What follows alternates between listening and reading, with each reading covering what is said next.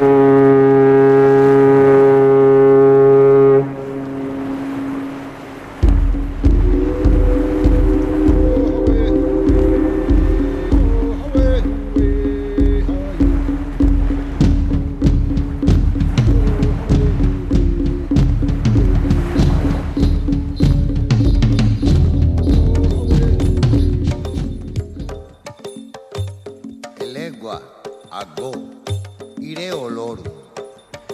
tal os encontráis? Bienvenidos a Levando Anclas, programa de Radio Euskadi que mm, pretende abrirnos la mente a otras geografías, sociedades y formas de vida.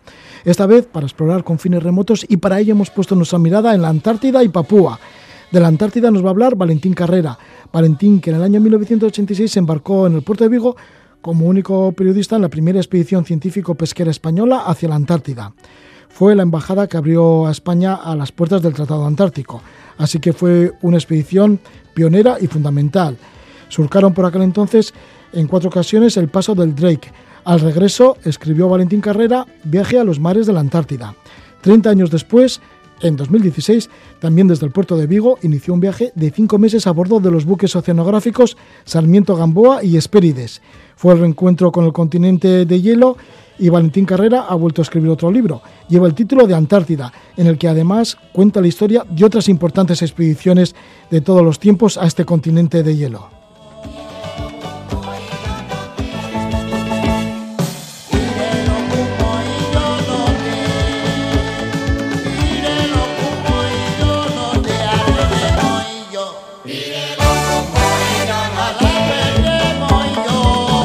Además de acercarnos a la Antártida con Valentín Carrera, todo un experto, pues estaremos con el explorador Diego Cortijo. Diego que ha remontado una parte del río Mamberamo en Papúa, en la Papúa de Indonesia. Mucha selva, campamentos, cocodrilos de día y de noche, en una zona que todavía permanece casi virgen. Este es el contenido de Levando Anclas. Nuestro destino primero es la Antártida.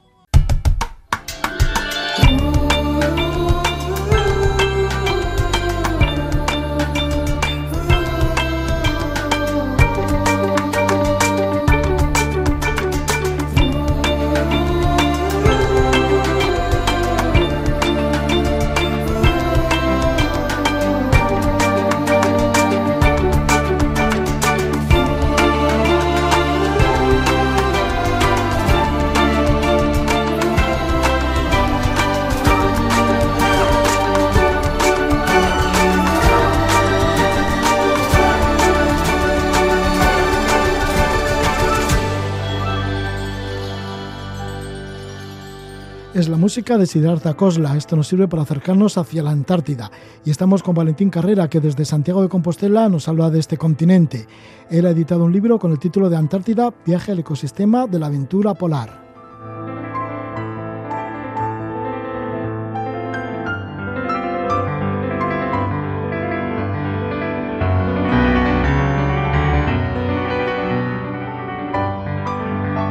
Hemos fundido la música de Siddhartha Kosla, que es autor de bandas sonoras, con la música de Trevor Rabin, el piano de Trevor Rabin.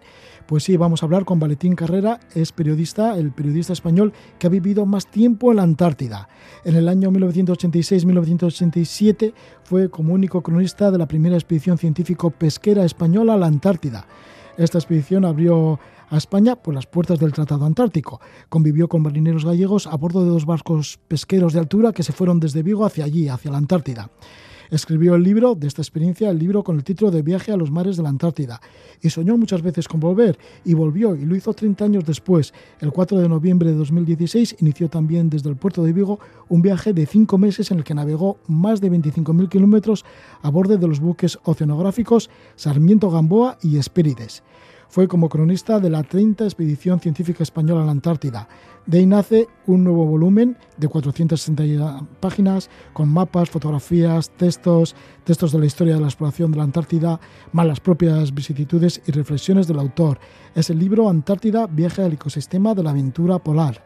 Nos vamos pues a dirigir al único lugar del planeta mm, que no tiene fronteras, sin estados, sin armas, ni ejércitos, sin tarjetas de crédito, sin coches, en donde al ser humano pues eh, se entiende, se entienden unos con otros y conviven magníficamente. Esto lo ha experimentado el propio Valentín Carrera en tantos y tantos meses que ha vivido en la Antártida. Le damos la bienvenida. Muy buenas noches, Valentín. Buenas noches, Gabón, ¿cómo estáis? Gabón.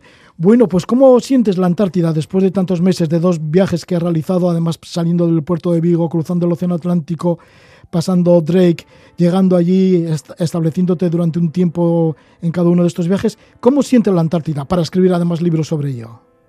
Bueno, primero déjame que te dé las gracias por la presentación y por acordaros de, hablar de la Antártida, que es un tema eh, fantástico y para mí es un placer hacerlo, ¿no? Yo siento la Antártida como, como una ausencia, como un dolor, como un aguijón clavado.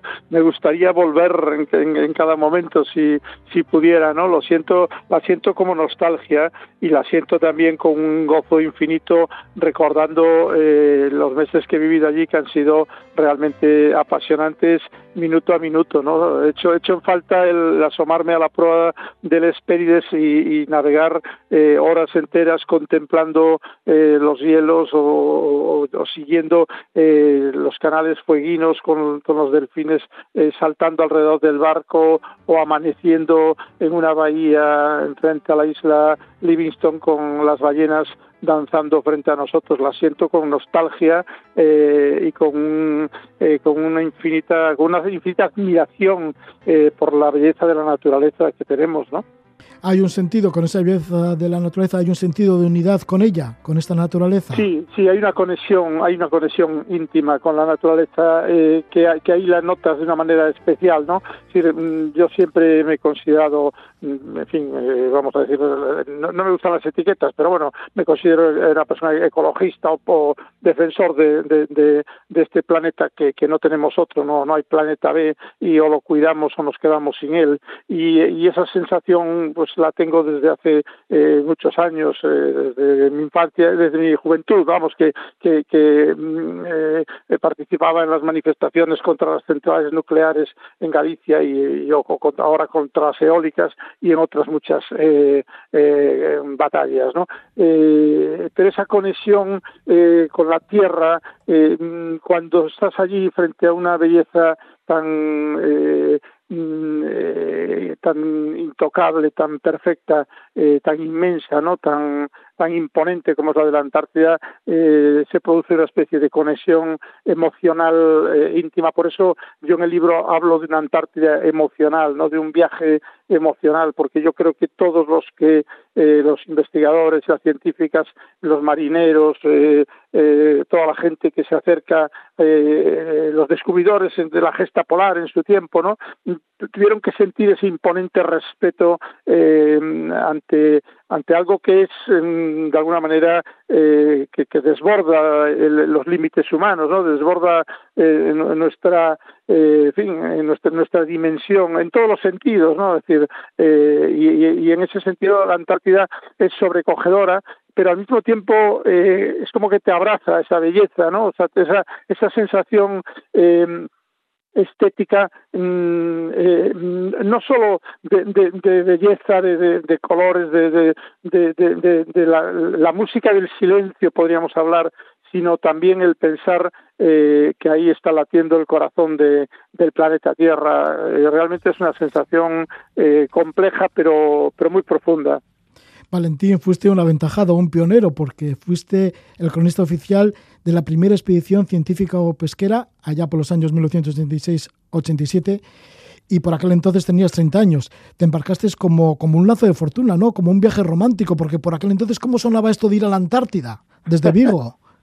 Sí, eh, bueno, en los años 80 yo estaba rondando los 30 años y, yo creo que quería, mm, bueno, pues como periodista, como escritor, quería ser eh, un poco eh, Salgari y, el pirata de, los, de los mares del sur o, Jack London o Stevenson, no sé, y meterme como, como Jim en el barril de las manzanas para ir en busca de la isla del tesoro. ¿no? Entonces, para mí la Antártida eh, en aquel momento fue una aventura y, lo viví ciertamente como, como una gran aventura personal de, de, de crecimiento, de, de, de adquirir eh, una experiencia eh, fantástica. Decías, hablabas antes de, de los idiomas, eh, de, cómo se entienden las personas en, en la Antártida. Yo nunca he visto eh, entenderse de una manera más fácil, sin ninguna barrera eh, idiomática o lingüística y sin necesidad del traductor de, automático de Google, que a un marinero ruso y un marinero gallego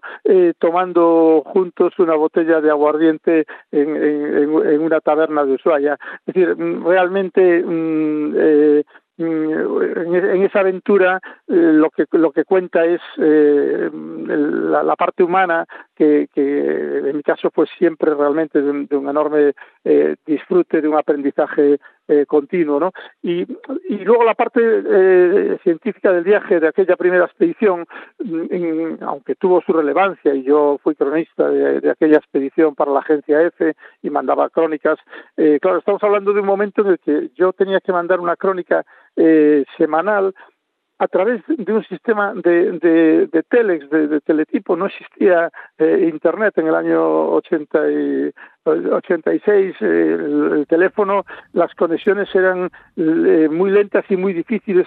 Eh, tenías que hablar desde el puente de, del barco y mm, te establecías una conferencia con, con, muy mala comunicación y cuando acababas de hablar, pues la famosa frase cambio y entonces te contestaban allí al otro lado de, del, del universo una voz de ultratumba y te conseguías transmitir una crónica.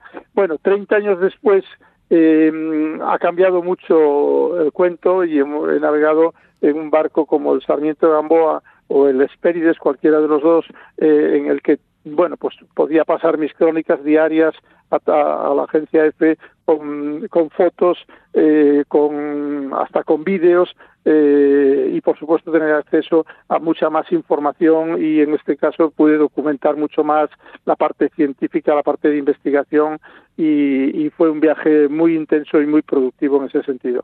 En ese primer viaje, esa primera navegación a la Antártida entre 1986 y 1987, a bordo de dos pesqueros gallegos, el Pescapuerta y el Nuevo Alcocero, así se llamaban, ¿cómo, sí. cómo estaba adaptado para, para que fuera también un viaje científico? Bueno, tanto el Pescapuerta Cuarto eh, como el Nuevo Alcocero, que eran dos eh, congeladores de, gran altura eh, que estaban faenando en la zona de, de los caladeros eh, eh, argentinos, de Malvinas, en la Pota, el Calamar, la Merluza Negra, mm, tenían interés en aquel momento las, las autoridades pesqueras españolas, el Ministerio de Pesca, en estudiar posibles caladeros nuevos en aguas no tanto antártica, sino mmm, en el borde, digamos, del círculo polar, eh, y en concreto se investigaba alguna especie comercial, como era el, el krill.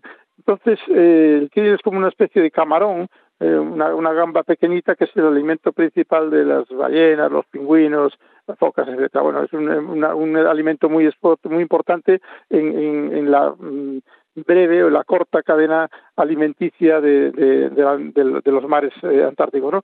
Entonces, estos barcos se acondicionaron, se eliminó parte de los pañoles de pesca para eh, convertirlos en laboratorio de frío y en un parque de, pesca y ahí se hacían eh, labores de, de, fin, de oceanografía, de geología marina, también había eh, iba a bordo un meteorólogo que estaba estudiando el agujero de ozono, en aquel momento era un asunto muy preocupante, estamos hablando del año 86 y era una especie de absoluta novedad y de alarma, es decir, qué va a pasar con el agujero de ozono. Todavía no se hablaba realmente, yo creo que en aquel momento nadie hablaba, yo no lo recuerdo porque no lo citaba, nunca, nunca lo oí, oí mencionar por ningún, eh, ninguno de los científicos que iban y yo lo menciono, no se hablaba del calentamiento global ni de, sí se hablaba ya de la contaminación y, y el agujero de ozono como producto de, en fin, de los eh, CFC, los eh, famosos eh, sprays y los eh, y, y, todos los eh,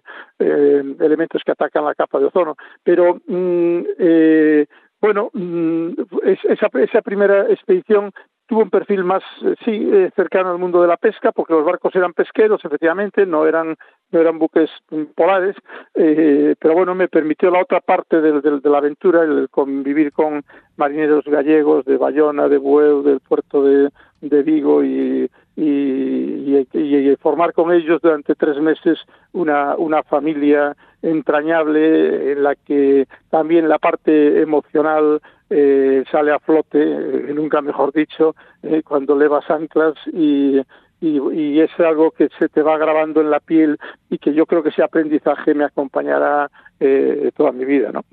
Treinta años después volviste y estuviste cinco meses de campaña, ni más ni menos, en la Antártida.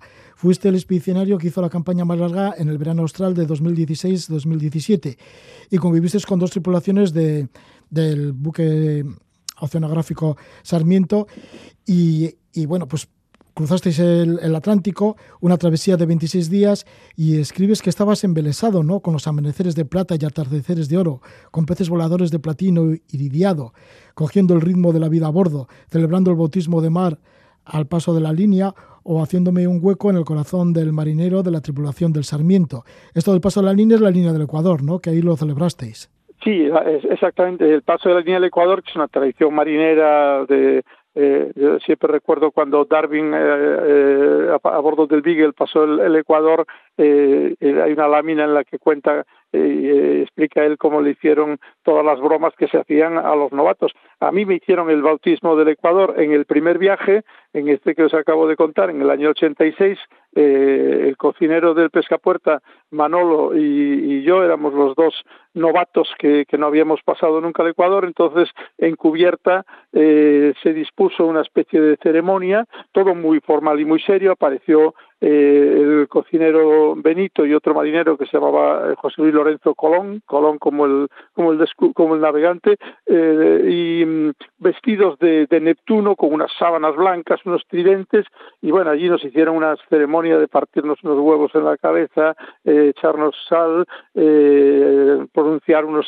conjuros y luego mm, mm, baldearnos con un manguerazo de agua que al final acabó siendo con esa temperatura que hay al cruzar el Ecuador, que os podéis imaginar, acabó siendo un manguerazo para toda la tripulación, incluido el capitán que estaba presente y presidía la, la, asamblea, ¿no? O la, fiesta. Bueno, pues mm, esta misma ceremonia cambiada, porque cada barco lo hace a su manera, la volví a vivir eh, 30 años después, pero ya no mm, yo como neófito, sino como, espectador y como cómplice a bordo del Espérides, donde había seis eh, marineros eh, suboficiales que nunca habían cruzado la línea del Ecuador y allí les hicieron el bautismo y bueno pues es una es un elemento de distensión en la vida marinera eh, que a veces cuando vas de travesía pues es muy rutinaria un día tras otro para ellos, para los que son del oficio, eh, y se ven obligados a hacer ciertas tareas de mantenimiento, limpieza, pintura,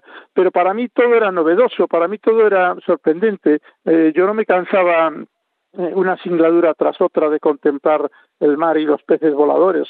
Entonces, realmente eh, mi sensación de, ir eh, sin muchas obligaciones, porque sí que tenía la responsabilidad de, contar la crónica y bueno, la he contado en, en los reportajes eh, durante eh, un, blog diario, eh, sí que tenía esa tarea y esa responsabilidad y también el libro que del que has hablado, Antártida, en Ediciones del Viento, pero no tenía otra tarea más que contar mm, mm, eh, mi experiencia y mi aventura, ¿no? Eso es un lujo para un periodista y, y lo disfruté enormemente y de una manera, eh, bueno, pues mm, que de la que de la que me sigo sintiendo eh, emocionado y, en cierto modo privilegiado por haber tenido la ocasión de, haber ido no una sino dos veces a, la Antártida y como te decía antes poder navegar entre icebergs, ver toda la costa y pisar la península antártica. Desde, bajamos eh, en dos ocasiones a la península antártica en, una, en alguna de las travesías desde el Espérides y bueno esa emoción de decir que he puesto el pie en un lugar tan apartado de la tierra al que no es fácil llegar, desde luego, y, bueno, y también tener el placer de poder eh, contarlo y compartirlo. Sí, porque antes de llegar a la Antártida hiciste esa travesía del Atlántico, ya hemos dicho el paso del Ecuador, el estrecho de Magallanes, que comentas que fue lo más emocionante desde que partiste desde Vigo, llegar al estrecho de Magallanes. ¿Cuál es la contemplación el estrecho de Magallanes antes de pasar ya a lo que es el continente antártico? Claro, es que el estrecho de Magallanes, para todos los todos los oyentes que nos están escuchando esta noche, eh, que sean aficionados a los viajes, a los descubrimientos, al mundo del mar, eh, saben que el estrecho de Magallanes eh, fue, en fin, un cambio total en la, historia de la navegación. O sea, el, cabo de, doblar el, el, cabo de Hornos lo fue en su momento pasar el, el, cabo Drake, el estrecho Drake eh, también, pero cuando se descubre el estrecho de Magallanes, que por fin permite una comunicación no tan peligrosa como la, de, como la del Paso Drake eh, entre eh, el, Atlántico y el Pacífico, cambia para, para siempre la historia de, la navegación. Entonces, que los primeros navegantes que fueron por ahí, que se cuenta, eh, comían hasta, hasta las correas de cuero de los zapatos y las hebillas de los y, los trozos de los cinturones y el serrín y, ratas asadas no es decir el, estrecho el puerto hay, hay, algún sitio que se llama eh, puerto puerto hambre llegaban absolutamente exhaustos eh, y, y en unas situaciones que son heroicas, que son tremendamente eh, eh, patéticas, ¿no? Pero, llegaron, llegaron los marineros de Cano y Magallanes, consiguieron cruzar el estrecho de, Magallanes eh, y yo iba leyendo las crónicas de su viaje, en cada punto iba anotando mentalmente los puntos de referencia que ellos señalaban y, aquí bajamos y cogimos un poco de leña y unas semillas para comer, y, bueno, porque, porque realmente iban mm, sobreviviendo como podían. Y aquí hicimos eh, puerto, estamos hablando de hacer puerto no en un sitio que tienes un muelle para atracar cómodamente, no, sino en un sitio al que tienes que aproximarte con unas barcazas desde unas rocas en un acantilado peligroso y en unas aguas que desconoce totalmente porque eh, y, en un, y, en un, cascarón. El, barco de, con el que Magallanes hace eh, cruzar estrecho se conserva eh, una eh, reproducido uh, exactamente eh, a escala en, en, Punta Arenas y, cuando entras allí dices tú, ¿y cómo, está, cómo es posible que en esta chalupa hayan cruzado el estrecho de Magallanes? Bueno, pues pensar todo eso y sentir que es que, gracias a, esa navegación eh, fue posible abrir un paso tan importante entre el Atlántico y el Pacífico, para mí fue una emoción absolutamente eh, indescriptible y, y, la viví cada, cada minuto de la travesía del estrecho de Magallanes hasta que llegamos a Punta Arenas, que es la ciudad chilena más austral desde la que luego zarpamos hacia la Antártida zarpas hacia la Antártida y ahí está el temible paso de Drake. El paso del Drake entre uno y otro viaje, en esos dos viajes a la Antártida, ya lo has pasado como un montón de veces, ¿no? Sí, bueno, diez, veces eh, se cuenta que los marineros se ponían un, aro eh, en, el lóbulo de la oreja eh, cada vez que pasaban el paso Drake. se ganaban un pequeño anillo, ¿no? Bueno, pues yo debería llevar colgando diez aretes de oro, pero bueno, los llevo simbólicamente. Mm, sí, diez veces he cruzado el paso Drake. A veces lo he pasado en alguna ocasión con sol eh, encubierta, eh, contemplando el mar, que es una cosa absolutamente eh, fantástica, y otras veces mm, eh, lo, he pasado absolutamente acojonado de, de, de, de, ver el barco cabecear ver las sillas de, de, de, todos los eh, camarotes de la cocina del comedor volando por los aires y el, y el barco como un auténtico eh, una auténtica nuez eh, a merced de las olas eh, y cuando de repente viene una ola fuerte y se sumerge la proa y, y, ves que la ola se, siguiente se viene encima y dices aquí se acabó todo se nos viene encima una catarata del Niagara y, y no y el barco vuelve a salir y vuelve a cabecear la siguiente ola y después de, de, 12 horas de, de, travesía llega a puerto, ¿no? Es algo realmente mágico y sorprendente y también la gran seguridad de estar a bordo del, de tanto del Sarmiento de Gamboa como del Esperis, que son dos buques fantásticos, eh, los buques y sus eh, y sus tripulantes. ¿Cuáles son las imágenes que te quedan en la retina? Porque en el libro comentas que icebergs, ballenas, focas, pingüinos, petreles, dameros y albatros van acompañándote en la contemplación de esa navegación una vez ya en el continente antártico. Bueno, una vez que dejamos atrás eh, Tierra de Fuego, que donde bueno hice alguna excursión siguiendo las, las pistas, los pasos de, de Chatwin eh, eh, por Tierra de Fuego mm, y, cruzamos a bordo del Hespérides en la segunda travesía de, de, esta, del año 2016.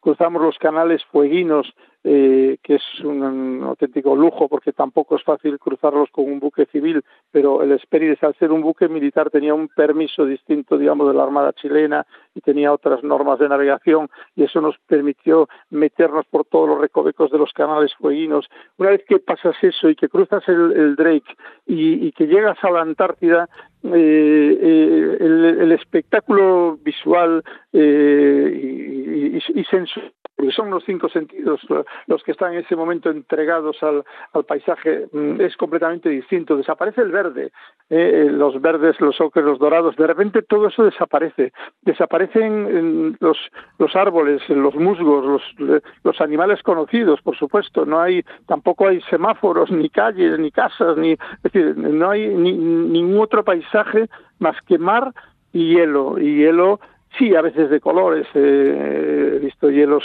verdes e incluso rojos, eh, férricos, eh, hielos eh, azulados, eh, translúcidos, Sí, por supuesto. Mm, dejas de ver también eh, aves, muy pocas aves eh, eh, acompañan el, viaje, así como durante el Ecuador hay un sinfín de, aves que, acompañan a los barcos porque van buscando la comida. Cuando entras ya en territorio antártico apenas, antártico apenas escúas, algunos albatros cada vez menos, cada vez menos a medida que vas bajando, pero empiezas a ver ballenas y sobre todo empiezas a ver icebergs que se acercan por la proa eh, o por los costados del barco y que eh, de entrada ves a, lo lejos un puntito blanco y cuando llegas a, su, a su proximidad te encuentras con una mole, con una montaña más alta que el propio barco que tienes que sortear o con una banquisa eh, superficial, eh, el bras, eh, que, forma una barrera, un cinturón absolutamente casi infranqueable que tiene que el barco ir abriendo poco a poco con la proa, pero con el peligro de que a medida que lo vas abriendo se va cerrando por detrás del propio barco, por la popa, y, y el barco tiene el peligro de acabar aprisionado y en algún momento he visto la maniobra de tener que avanzar retroceder máquinas para poder mantener eh, eh, abierta la, la, la, popa y poder seguir avanzando hasta conseguir eh, atravesar esa, esa barrera de, de, hielo. Y bueno, es una navegación muy azarosa, pero, pero única, y, y, y todo este tiempo que, os estoy contando eh, no, no para mí era la contemplación del paisaje, pero claro, para los científicos e investigadoras era coger muestras de agua, para los eh, cartógrafos era hacer eh, la batimetría submarina de las de los fondos de que estábamos rastreando en torno a la isla de excepción o a otras costas, es decir, que todos ellos iban realizando su labor científica en los laboratorios a bordo y yo iba también teniendo el gozo y el, y el disfrute de compartir con ellos sus trabajos, sus investigaciones y todo eso también procuro reflejarlo en el libro. Es decir, eh, eh, vamos a la Antártida eh, como país, como universidad colectiva, a investigar y a conocer los secretos de la naturaleza y a, y a responder algunas de las preguntas que nos planteamos desde aquí sobre nuestro propio planeta. Estamos con Valentín Carrera, autor del libro Antártida, viaje al ecosistema de la aventura polar. Y en este segundo viaje que realizaste a la Antártida, estuviste cinco meses. ¿Por qué tanto tiempo? ¿Por qué una campaña de cinco meses? Porque no, serías el que más estuvo en esa campaña, ¿no? Allí, en la Antártida. Bueno, lo normal es que las tripulaciones hagan unas campañas como de dos meses, dos meses y medio. Eh, de hecho, la, tripulación del, del de Gamboa en Navidades eh, hizo un relevo, se, se, vino una tripulación para España de vuelta y llegaron por avión eh, el relevo. Eh, y en el caso de los, eh, de los científicos, suelen hacer mm, estancias de un mes, un mes y medio y regresan. Y entonces lo que hacen es Espeides es que mm, hace una especie de, taxi, de transportista eh, entre las bases eh, de, la isla Livingston y de la isla Decepción y el, puerto de Ushuaia o el puerto de, de Punta Arenas y llevando y trayendo eh, personal eh, y también aprovisionamiento. Eh, de repente llegaba el barco y traía verduras frescas mm, que, después de dos meses pues ya no había lechugas ni tomates más que congelados a bordo, ¿no? Entonces ese, esa esa labor de, de, ir y volver del, del Esperides mm, es una labor fundamental en la logística de la campaña. Pero yo opté por hacer toda la campaña, es decir, pedí permiso y el Comité Polar me lo concedió para eh, permanecer a bordo mm, eh, durante hasta el final de la campaña propiamente. Y eso me permitió ser testigo de la apertura de las dos bases eh, en, la Carlos I y la base Gabriel de Castilla, en, la isla de Excepción, pude asistir a todo ese proceso de apertura de la base que llevaba cerrada desde el anterior verano polar, es decir, cuando se cierra eh, aproximadamente en el mes de marzo, antes de que lleguen los, fríos de, del invierno antártico. ¿no? Entonces pude mm, tener esa experiencia, pude cruzar el Drake, como decíamos antes, varias veces en las dos direcciones, norte-sur, sur-norte, y pude tener una dilatada experiencia, creo que en cierto modo única, eh, de esa Antártida que se convierte en un viaje, eh, eh, como bien decías al principio, al corazón de, las, emociones, al ecosistema polar. Bueno, pues todo esto se experimenta leyendo el libro Antártida, viaje al ecosistema de la aventura polar. Con nosotros Valentín Carrera, su autor, que ha realizado dos grandes expediciones a la Antártida, distantes una de otra en 30 años. La primera 1986-1987 y la otra 2016-2017, dos expediciones que mm, distan mucho la una de la otra, porque la primera fue con unos pesqueros, dos pesqueros gallegos saliendo desde Vigo y la otra pues con dos buques oceanográficos también saliendo de Vigo y llegando allí al continente antártico. Emocionado de la Antártida, Valentín Carreras es el periodista español que ha vivido más tiempo en este continente. Le damos las gracias, gracias por esta conexión que tenemos con Santiago de Compostela. Gracias Valentín Carrera. Gracias a vosotros, ha sido un placer. Gabón.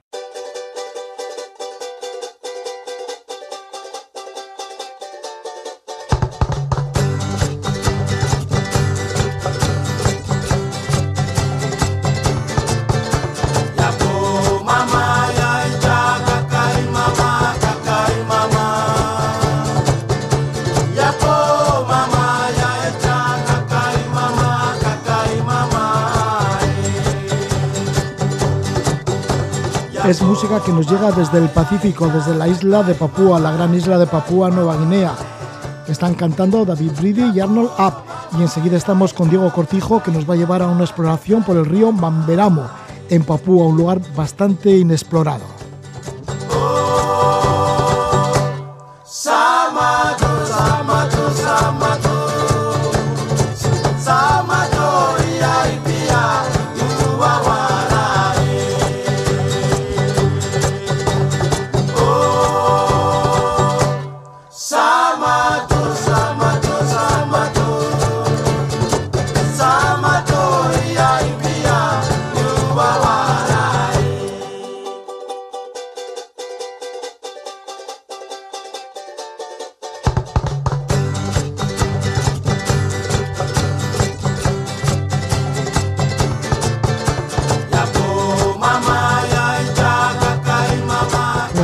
Nos vamos hacia Papúa Nueva Guinea y nos vamos con Diego Cortijo.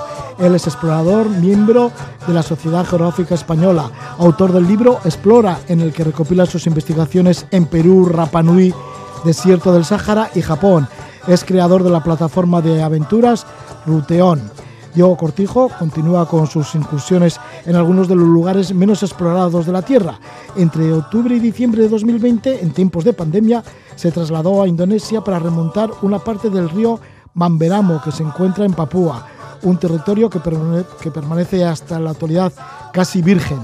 Diego Cortijo, acompañado de Tatiana Pankratov, ella es fotógrafa, agente de viajes, Olmo Romero, nómada digital ahora afincado en Indonesia. Bueno, pues los tres documentaron la forma de vida de algunas comunidades ribereñas de esta parte del río Mamberamo. Estamos con Diego Cortijo. Buenas noches, Diego. ¿Qué tal? Buenas noches, ¿cómo estáis? Un saludo. Diego, ¿por qué en esta ocasión has elegido las tierras colindantes del río Mamberamo para realizar nuevas exploraciones? Bueno, es que Papúa, hablar de Papúa ya suena exótico inexplorado, ¿no? Es, uno de esos territorios, uno de esos iconos donde, pues por su situación geográfica, por, su situación, eh, por su historia, pues siempre ha sido territorio bastante hostil y complicado, ¿no? Y sigue siendo a día de hoy, sigue siendo una de las zonas donde todavía tenemos muy poquita información. ¿Cuál es la ubicación del lugar? Porque estamos hablando de una gran isla como es Papúa Nueva Guinea, pero esta es la parte de Papúa, ¿no? Que pertenece a Indonesia. Sí, eso es. A mí me gusta aclarar siempre, porque a veces se lleva confusión. La isla completa, la isla que está al norte de Australia, la última isla, digamos, de, de, Indonesia, se llama Nueva Guinea.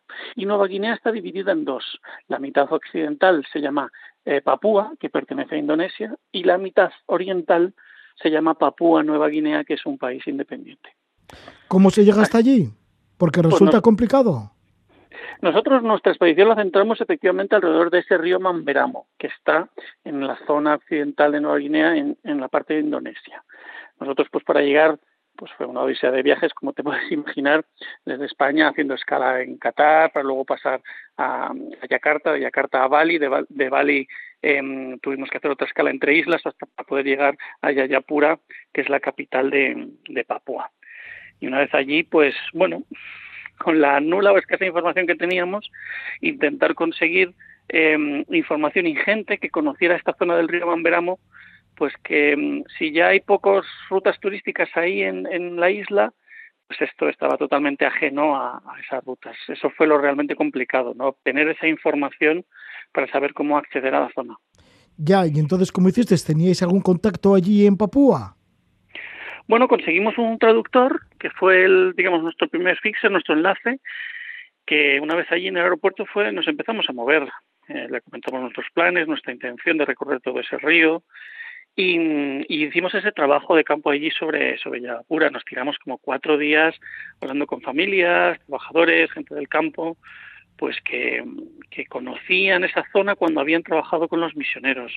La zona de Mamberamo había sido corrida por estos misioneros occidentales allá por los años 70 eh, y poco más se sabía desde entonces.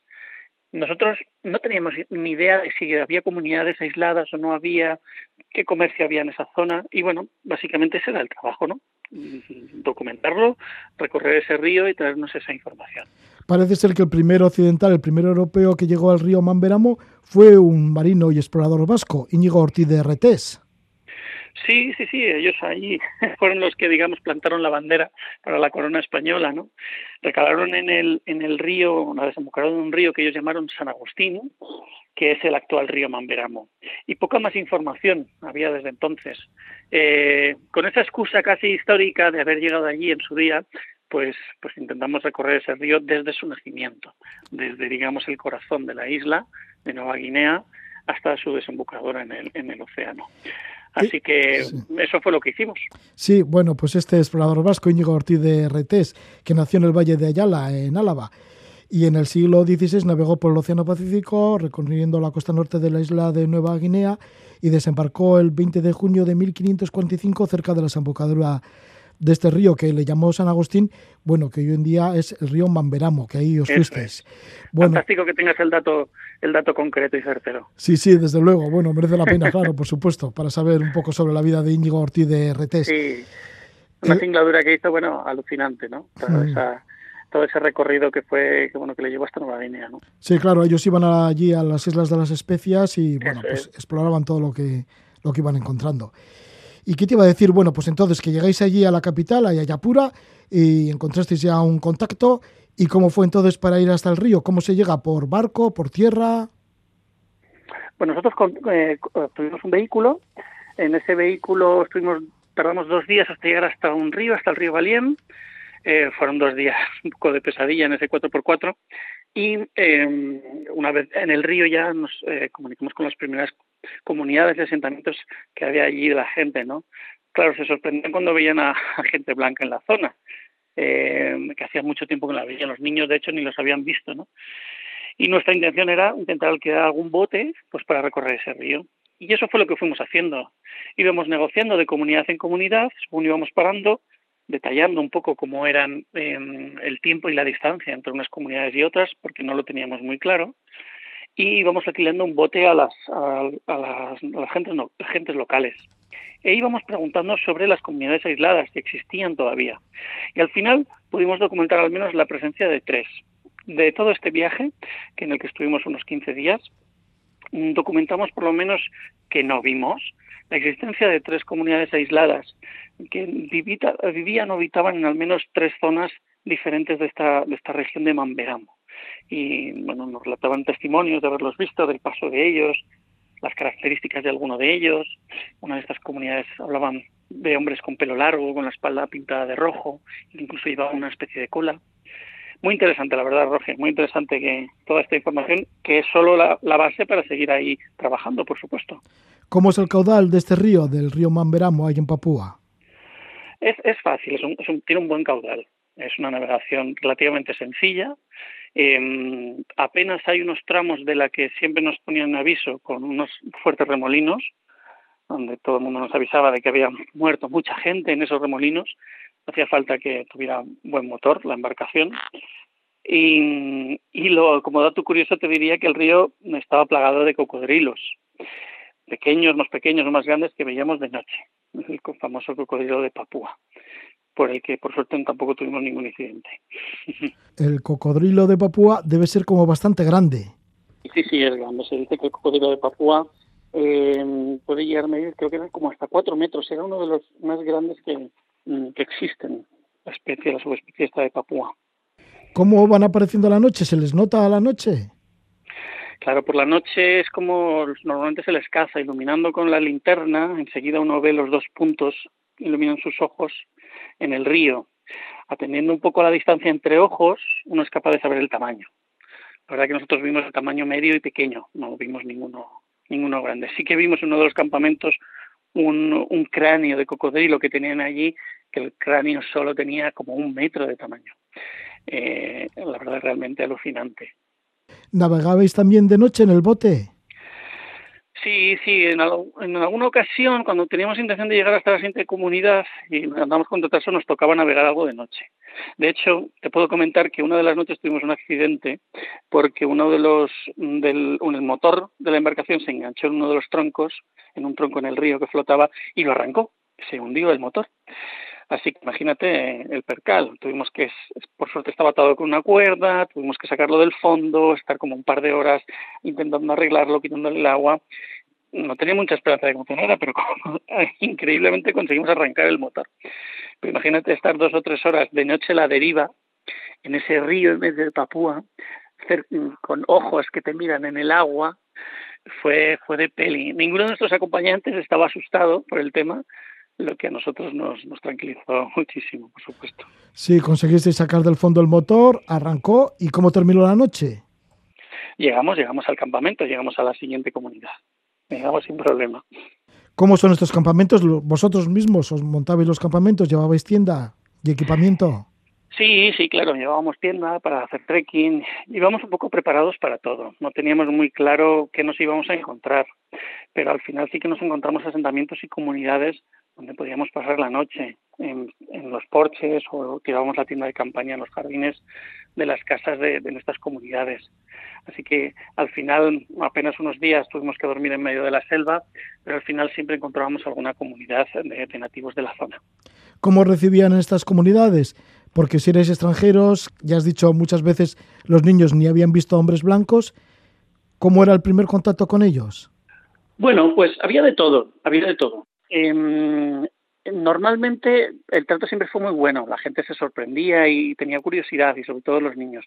Solo hubo un caso en algunas comunidades, como cuando nos acercamos a los Baudis del lago Danau, que estaban un pelín más aislados y el problema es que ahí en Papúa existe un conflicto con el tema de la, de la independencia, ¿no? con el resto de Indonesia. No, no tiene nada que ver Papúa con el resto de Indonesia, entonces existe un fuerte arraigo ¿no? indígena.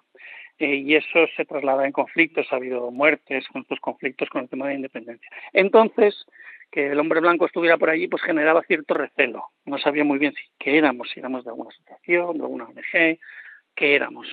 Y eso en algún caso, en el caso de los, de lo, del lago Danau con los Baudi, sí tuvimos algún momento de tensión, de tensión, también por temas de dinero. La gente al final te quiere sacar de algún lado la pasta.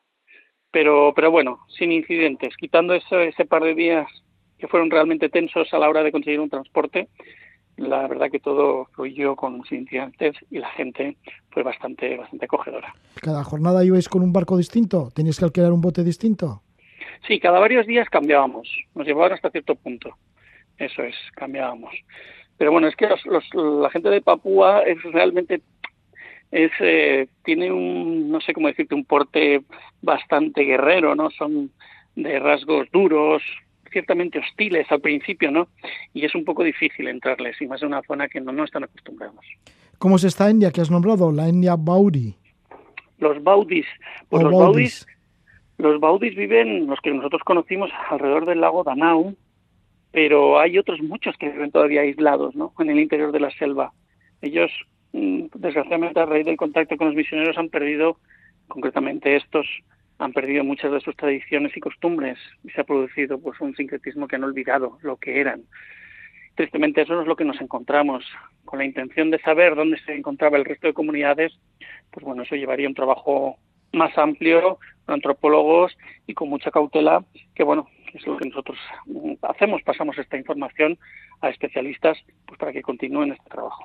¿Os habéis adentrado también en la selva, algo del interior? Sí, hemos hecho alguna ruta en estas, en estas zonas del lago Danau, eh, pero principalmente nuestro trabajo ha sido recorrer este río y ver lo que había. Era una primera toma de contacto en una zona, como te digo, totalmente desconocida.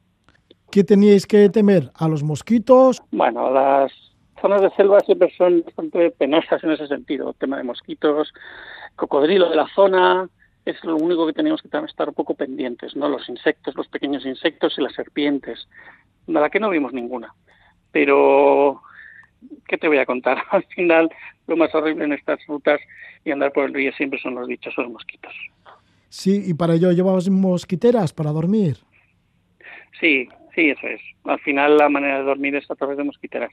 Lo más sencillo, es un aparato ligero con el calor que ahí hace, casi no compensa ni, ni armar la tienda. Nos echamos una mosquitera y es lo que es el antimosquitos que mejor funciona. Diego, ¿y qué se siente ahí en, en el río Mamberamo y llegando a un lugar que es bastante inexplorado, alejado de toda civilización? Bueno, pues, ¿qué te voy a contar? Estas cosas se, se regurgitan casi después, ¿no? Cuando valoras y ves dónde has estado, porque ahí no es el lugar muchas veces el cansancio, las peleas, el, el pelear por sacar adelante el proyecto, pues, pues no es tan sencillo. A mí a veces no me hace valorar tanto. Hay pequeños momentos donde eres consciente de dónde estás, con la gente que te acompaña, con mis compañeros, con Tatiana y Olmo, con la gente que al final hemos conseguido sacar adelante un bote. Eso es lo que te llena un poco, ¿no? Y ser consciente del lugar que estás, personalmente, por supuesto, maravilloso, ¿no? Y es de esas cosas que uno se lleva en la maleta y no, y no se van a olvidar. Sí, y además lo hicisteis en tiempos de pandemia, cuando la pandemia estaba todavía más fuerte. Sí, bueno, en este caso en la zona no, no había, eh, era muy leve en ese momento, por eso pudimos entrar. Tuvimos un permiso para poder documentar la zona con la policía, con el Estado. Seguimos, lógicamente, todos los permisos y recomendaciones que nos mandaban y por suerte pues en Papúa no había prácticamente mucha afección de esto. Nosotros con nuestros test y con nuestra responsabilidad, por supuesto, personal, pues hicimos el viaje. Diego, ¿ya habéis estado documentando todo lo que habéis visto y observado por el río Mamberamo?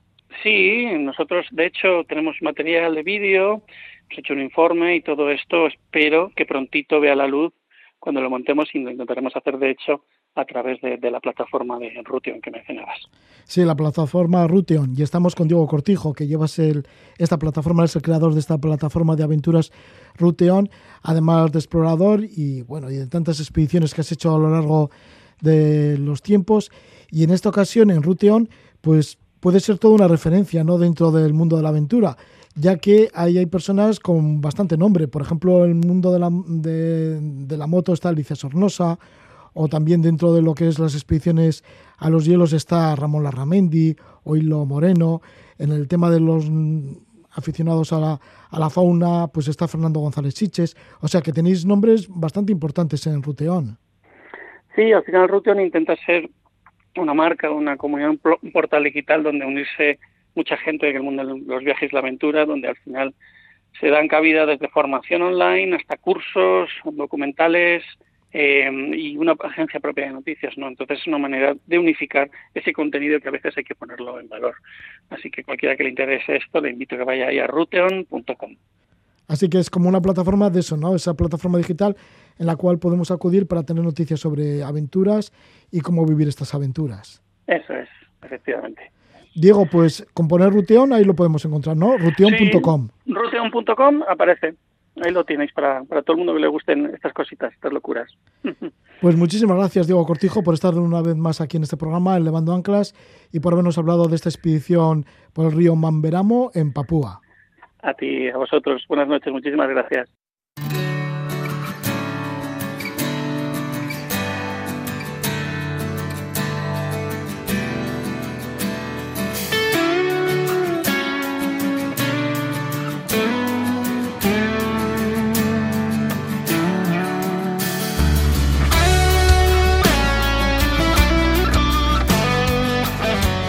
El explorador Diego Cortijo adentrándose en el río Mamberamo, en la Papúa de Indonesia. Nos vamos con la música del grupo de Bermeo, Echecalte. Es el tema Norda Norbera, quién es cada uno. Que os vaya bien la semana, os esperamos en el próximo programa de Levando Anclas. Tenemos ya ganas y nada, ahora que tengáis dulces sueños.